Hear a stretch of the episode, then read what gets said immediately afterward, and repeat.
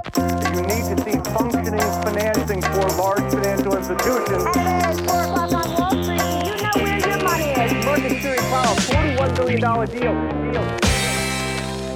Är måndag den 18 december och dags för ett nytt avsnitt av Investerarens podcast. Det är några dagar kvar till julafton, men vi på börsen har redan fått en julklapp. Det är ju Fed som levererade årets julklapp den här gången. Peakränta heter alltså inte sällskapsspelet, utan det faktum att Fed nu tror att vi har sett räntetoppen och dessutom menar att de kan komma att sänka räntan vid åtminstone tre tillfällen under nästa år. Det här är ju vad marknaden har väntat på under väldigt lång tid, handlat på den många gånger. Vi har fått se uppstudsar på börsen många gånger där man har tänkt att nu är det dags för en Fed pivot. Nu verkar den ju uppenbarligen vara här. Ehm, sen är det ju inte materialiserat ännu och det är väl också värt att komma ihåg. Börsen har gått ganska mycket på det här, alltså att fallhöjden har ju ökat om någonting skulle hända som grusar den här bilden och förhoppningen om att vi nu har sett räntetoppen. Eh, vi har ju också sett bolåneräntor, bundna bolåneräntor sänkas en del den senaste tiden med hänvisning till sjunkande marknadsräntor. Centralbankerna har ju inte riktigt sänkt än i väst och Norges bank höjde ju faktiskt om än vi har sett den snabbaste räntesänkningstakten bland globala centralbanker sedan hösten 2020. Det om någonting säger väl någonting. Men här har vi ju krattat manegen och sagt då att vi ser räntesänkningar framför oss i Amerika, att vi har inte sett dem ännu. Um, och skulle någonting som sagt grusa det här, ja då finns det ju naturligtvis fallhöjd på börsen. Men uh, happy times! Så det är väl en liten disclaimer kan man väl säga. Nåväl, OMXS30 steg 3,17% under förra veckan. OMXSP breda börsen steg 3,85, det vill säga mer. Och det var därmed den femte positiva börsveckan på raken också för första gången i år. Vi har inte sett någon annan period med fem på varandra påföljande veckor med positiv utveckling. Däremot så hade vi ju inför den här uppgången fyra månader på raken med negativ utveckling. Så det är ju också det som driver på. Vi har haft en rätt sur period. Nu har vi fått en uppstuds. Eh, marknaden har eh, handlat på att man tror att räntetoppen är här nu har Fed också sagt att även de ser att räntetoppen är här, vilket har förstärkt det här tidiga julrallyt då. OMXS30 17,2 procent upp från årslägsta och OMXSP 20,1 då. Och det här är sedan 26 oktober så att det har varit eh, rejält åka av kan man ju säga. Och som jag sa här i början, Fed levererar årets julklapp då i samband med räntebeskedet här. HUI Research menade ju att årets eh, julklapp var sällskapsspelet. Jag menar att det här är nog någonting som slår lite högre. Både för börsen men även för hushållen där ute som eh, nog förmodligen skulle tycka att det var lite trevligare med, med lite lägre finansieringskostnader, lite lägre bolåneräntor. Det har vi också sett att eh, en del aktörer nu faktiskt har sänkt de långa bolåneräntorna i och med att det är marknadsräntorna som vi ser effekten nu på först. Centralbankerna har inte sänkt än, säger att man kommer sänka under nästa år, givet det man ser just nu. Men marknadsräntorna, de reagerar ju på den retoriken redan nu och på de prognoserna som kommer från allehanda olika håll. Ehm, så att idag var SBAB ute och sänkte bolåneräntorna för andra gången på kort tid och det var faktiskt en sänkning på mellan 30 och 45 punkter på listräntorna på de bundna löptiderna då från ett år upp till eh, tio år. Så det börjar hända lite grejer, vilket är väldigt trevligt då. Men Fed, de lät räntan vara för tredje gången på raken, det vill säga paus och indikerade nu att höjningscykeln mest troligt då är över. Ehm, de sa själv tre gånger, vissa andra aktörer menar att det kan vara närmare fem, sex gånger och kanske till och med en halvering av räntan på ganska kort tid. Den som lever får se. Ehm, men vi ska ändå komma ihåg att vi kommer från en, en rejält sur utveckling på börsen. Ehm, där småbolag, fastighetsbolag etc. haft det rejält tufft i att vi nu ser att inflationen fortsätter sjunka. Räntorna kommer ner rejält. Och jag tror också att det är ganska många bolag som är nyfikna på att börsnoteras men bara väntar på att det här noteringsfönstret ska öppnas upp igen. Så att 2024 kan bli ett väldigt spännande år, inte minst med tanke på att Montrose ska lanseras nästa år. Nåväl, under veckan noterade OMXS30 GI dessutom all time high, alltså nytt börsrekord med en uppgång på 17,5% year to date. Och det är alltså OMXS30 med återinvesterad utdelning då, gross index. Så att all time high Eh, och aktierna som har gått bäst i år är H&M på 62,7%, Volvo B på 44, ABB på 42 och Atlas på 37. Och det var inte enda indexet som slog all time high. Dessutom såg vi Dow Jones anno 1896 som bjöd på all time high även dem och där var det då Salesforce på 93% upp, Intel på plus 70, Microsoft på plus 57 och Apple på plus 50 som bidrog till det här. Sen är det ju också så att det här är ett prisindex, vilket innebär att det är aktiekurserna och aktiekursernas utveckling, alltså priset på aktierna som påverkar i hög utsträckning. Så att det är lite annorlunda än många andra index där ute, men likväl så att det var all time high. Med det sagt så skulle Berkshire Hathaway A, det vill säga en aktie som kostar över en halv miljon dollar, skulle ju aldrig få ingå i det här indexet. För den skulle kunna tappa 0,1% en dag och indexet skulle krascha. Så lite udda, men till Dow Jones försvar, datorerna fanns inte 1896 när det här indexet eh, grundades då. Så det är ju världens äldsta index som används än idag då. Spännande spaningar. Big Tech har dominerat i år och Magnificent 7 har drivit närmare 80% av uppgången i amerikanska S&P 500. Man kan fråga sig om det kommer bli bättre än så här, men faktum är att analytikerkåren förväntar sig att techsektorn bjuder på 11 kagger på topline till och med 2025 jämfört med 3% för resten av index.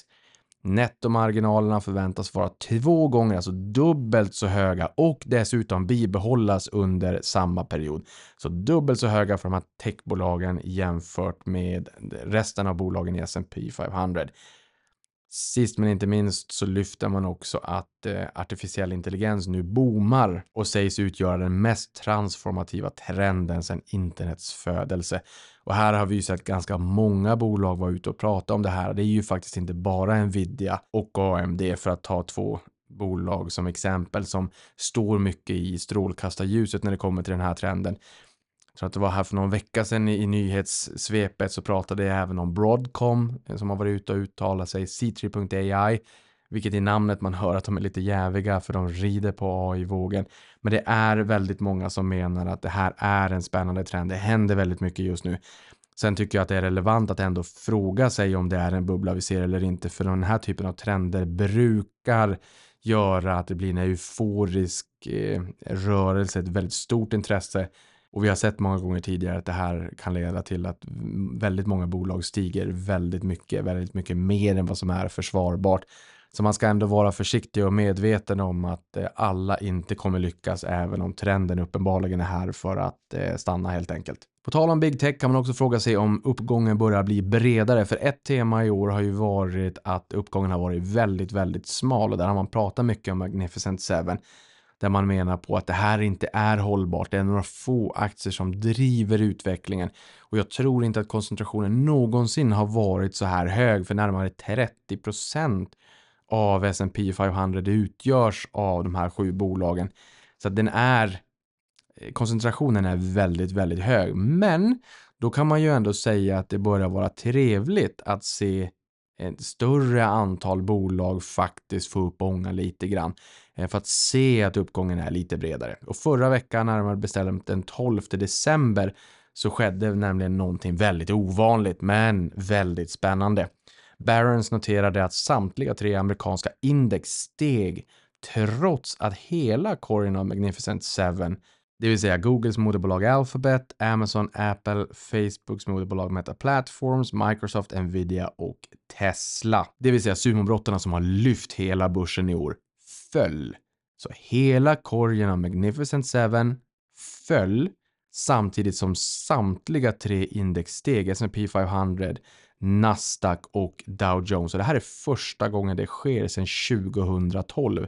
Och det är det som gjorde att man blev lite nyfiken och funderade sig om en bredbaserad uppgång ligger under julgranen. Ytterligare ett index som är väldigt nära all time high är ju Nasdaq 100, de 100 största börsbolagen på Nasdaq X Financials som har stigit 59% sedan den 13 oktober i fjol. Nu på krypavstånd från all time high. Det är mindre än en enda liten procentenhet ifrån det.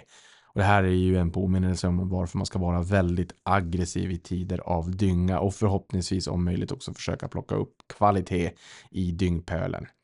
Aktierna som har stigit mest under den här perioden är Nvidia plus 223%, Meta Platforms plus 175% och Crowdstrike plus 129% här då sen årsskiftet. Sen har vi ju fastigheter också som har gått riktigt bra. Det är ju räntekänsligt. Det känns som att vi har kommit in på fastigheter varje vecka den senaste tiden. Kanske inte konstigt. I fredags steg Carnegie Real Estate Index Krex då 7,98 procent varpå vi har tillryggalagt 45,8 procent sedan den 25 oktober. En förvaltare på stan som jag pratar med har sett inflödena öka med en faktor 15, vilket innebär alltså att inflödena den senaste tiden i snitt per dag har legat 15 gånger högre än det normala inflödet och kanske inte så konstigt. Många är underviktade, inte minst institutionellt kapital, men många småsparare ser ju också att det här drar just nu så att det ökar intresset. Även där ska man väl kanske vara lite försiktig. Om det var ett pangläge att köpa på eh, botten 55 ner i slutet på oktober jämfört med toppen 21. Nu har mycket kommit upp. Eh, vi är inte tillbaka på fornstora dagar. Eh, räntorna har inte heller sänkt så att vi är någonstans i ett, i ett Eh, delikat balansaktsskede, men, men det är ju viktigt att komma ihåg att eh, från botten så har vi studsat upp ganska mycket. Någonting annat som var eh, härligt under förra veckan som många gladde sig åt, det var att inflationstakten i Sverige kom in på 3,6% upp year on year i november. Eh, KPIF då, jämfört med 4,2% i oktober. Eh, och dessutom kom kärninflationen in på en halv procentenhet under förväntan vilket såklart adderade bränsle till det tomterall vi har sett senaste tiden. Och i kärninflationen så justerar man ju för volatila mat och energipriser som brukar kunna svänga ganska mycket. Och på noteringsfronten så har jag inte riktigt fiskat upp några kommande noteringar. Det kan ju bero på att noteringsfönstret för 2023 är på väg att stängas. Det är ju faktiskt bara en vecka kvar till julafton, det är två veckor kvar till årsskiftet. Men då på noteringsfronten kan vi konstatera att Nasdaq har eh, nått 125 stycken IPOs under 2023 fördelat på 100 rörelsedrivande bolag och 25 SPAC-bolag. Det här med SPAC-bolag var ju någonting som var väldigt, väldigt populärt under 2021 och stod börsen i Zenit. Sen har det inte riktigt varit lika populärt nästan så att det är bortglömt. Vi har ju några kvar på Stockholmsbörsen som väntar på att eh, hitta något spännande bolag att köpa, inte minst Creades egen då, Creaspac. Ehm, men det har kommit in 25 stycken även på Nasdaq då. Tillsammans så har de här bolagen som har kommit in, de här 100 till antalet, rest 13 miljarder dollar och de största noteringarna var ARM, Instacart och Nextracer. Dessutom har de faktiskt lyckats locka över 26 bolag från andra börser. En sån skulle ju definitivt kunna vara då New York Stock Exchange. De brukar ju knycka bolag lite grann av varandra. Med det sagt, dags för ett litet men ack så naggande gott nyhetssvep. Och vi börjar med indiska Nifty 50 som har stigit över 16% year to date och därmed går mot sitt åttonde positiva börsår på raken. Samtidigt har Hongkongs Hang Seng Index, där jag för övrigt också har varit och besökt, tappat 17% year to date, vilket innebär att indiska börsen har seglat om Hongkong som världens sjunde största börs globalt. Och jag hoppas att du har haft tillfälle att lyssna till förra poddavsnittet där jag gästades av Carnegie Fonders Gunnar Paulsson på temat Indien. Han var med många gånger i Avanza-podden, nu även här då och berättade om Indien som han menar kan stå kittad för 10 till 15 år av strukturell tillväxt och att de befinner sig idag där Kina befann sig för 20 år sedan. Nördigt avsnitt, ganska långt, en timme och 45 minuter, men lyssna gärna på det om det är så att du vill lära dig mer om Indien. Sen har vi Meta Platforms, Facebooks moderbolag som har släppt sin mikroblogg Threads i Europa. Tänkt att vara en utmanare till X, det vill säga Twitter eh, och självklart så finns jag där också med samma användarnamn, det vill säga investeraren. Eh, men jag har svårt att se att jag kommer köra båda plattformarna parallellt. Vi får väl se vad som händer och vem som segrar. Sen har vi ju Netflix som tar över filmatiseringen av den nya filmen Ronja Rövardotter från pressade via Play ja, inte en ny film så, den har ju funnits sedan tidigare. Vi har alla sett Rumpnissarna. Men en ny filmatisering av det hela. Och här har vi ett citat som säger Jag är väldigt glad över att Ronja Rövardotter har hittat ett nytt hem. Den har ett fantastiskt team både framför och bakom kameran och att Ronja Rövardotter kommer att möta sin publik på Netflix känns som en tidig julklapp, slutcitat säger Hans Rosenfeldt, en av filmens skapare. Och på temat Netflix så har de också beslutat sig för att bli mer transparenta när det kommer till tittarsiffror. Eh, de har släppt sin första What We Watched Report som visade att The Night Agent kammade hem guld med 812 miljoner tittade timmar. Och här blir jag lite förvånad över att egna produktioner utgjorde 55 procent av allt tittande på plattformen senaste halvåret. Dessutom så var det så att över 60 procent av alla Netflix-titlar som släpps under januari till juni i år har legat på topp 10-listan. Den här rapporten kommer att släppas två gånger om året, det vill säga halvårsvis och därmed ge en mer detaljerad information över halvåret som gått. Sen har vi lite affärer. Latorbolaget HMS Networks aviserade ett miljardförvärv av amerikanska Red Lion Controls motsvarande 3,6 miljarder kronor och det här bolaget är en citat väletablerad leverantör av industriella automatlösningar. Slutcitat. Förvärvet sägs stärka positionen i USA väsentligt och den här aktien steg 12% på beskedet och upp 54 year to date. Så har ju eh, adderat lite värme i Latour också. Och där kan jag säga en kort utsvävning att jag såg en sån här mm, um, 2023 Wrapped for Podcasters på Spotify som sa att mitt eh, senaste avsnitt med just Latour var 999% mer lyssnat än snittavsnittet under året. Det verkar onekligen finnas ett intresse för Latour, säger min manliga intuition. Sen har vi kontraktstillverkaren Note, eller Note, som rasade nästan 18% på beskeden om att de sänker sin prognos för helåret. Eh, och det var den tredje sämsta börsdagen någonsin för bolaget. Note är ju ett bolag som Erik Stenfors har grundat Eh, och Erik hittar vi ju idag då på Hansa. Eh, också en kontraktstillverkare som nyligen har tagit in pengar för att offensivt dels kunna göra ett eh, förvärv. Det gjorde de i och för sig av e-, egna medel och kreditlinor, befintliga sådana. Men där han också menade på att det finns många lägen just nu som man vill kunna utnyttja lite grann. Få lite grann samma vibbar som David Mindus på Sagax som tog in 10 miljarder för att också vilja ha lite torrt krut. Nåväl, tillbaka till Note. Även eh, den näst sämsta dagen för Note inföll faktiskt i år. Så att två av de tre sämsta dagarna någonsin inföll för bolaget det här året. Och som sagt, de sänkte sin prognos för helåret här och de lägre nivåerna sades bero på förseningar i uppstarten av flera projekt främst inom försvarssektorn samt omställningskostnader för att anpassa produktionen till efterfrågan. Aktien minus 19,27% year to date och plus 564% på fem år, det vill säga en 46 i kaggar på fem år. Um, här har ju timing market varit eh, väldigt, väldigt trevligt. Det är klart att det var ett annat bolag för fem år sedan än vad det är idag, men visar också någonstans potentialen i eh, värdeskapande bolag om man vågar vara långsiktig. Sist men inte minst, Microsoft kliver in i H2 Green Steel som vi återfinner i Boden uppe i Norrbotten, denna militärstad som eh, undertecknad är born and raised i. Det står klart efter den senaste kapitalrundan på 18 miljarder kronor som gick av stapeln i september och som anses vara den största privata kapitalanskaffningen i Europa i år, skriver DI Digital.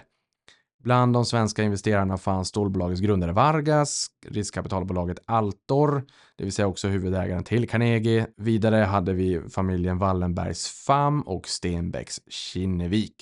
Microsoft duttade in 86 miljoner kronor i det här, vilket motsvarar 0,4 procent av kapitalet på värderingen. Med de orden, stort tack för den gångna veckan. Hoppas även du fick lite värmande värme i portföljen. Vi hörs igen nästa vecka och dessförinnan god jul så hörs vi under mellandagarna. Stort tack för att du lyssnade på det här.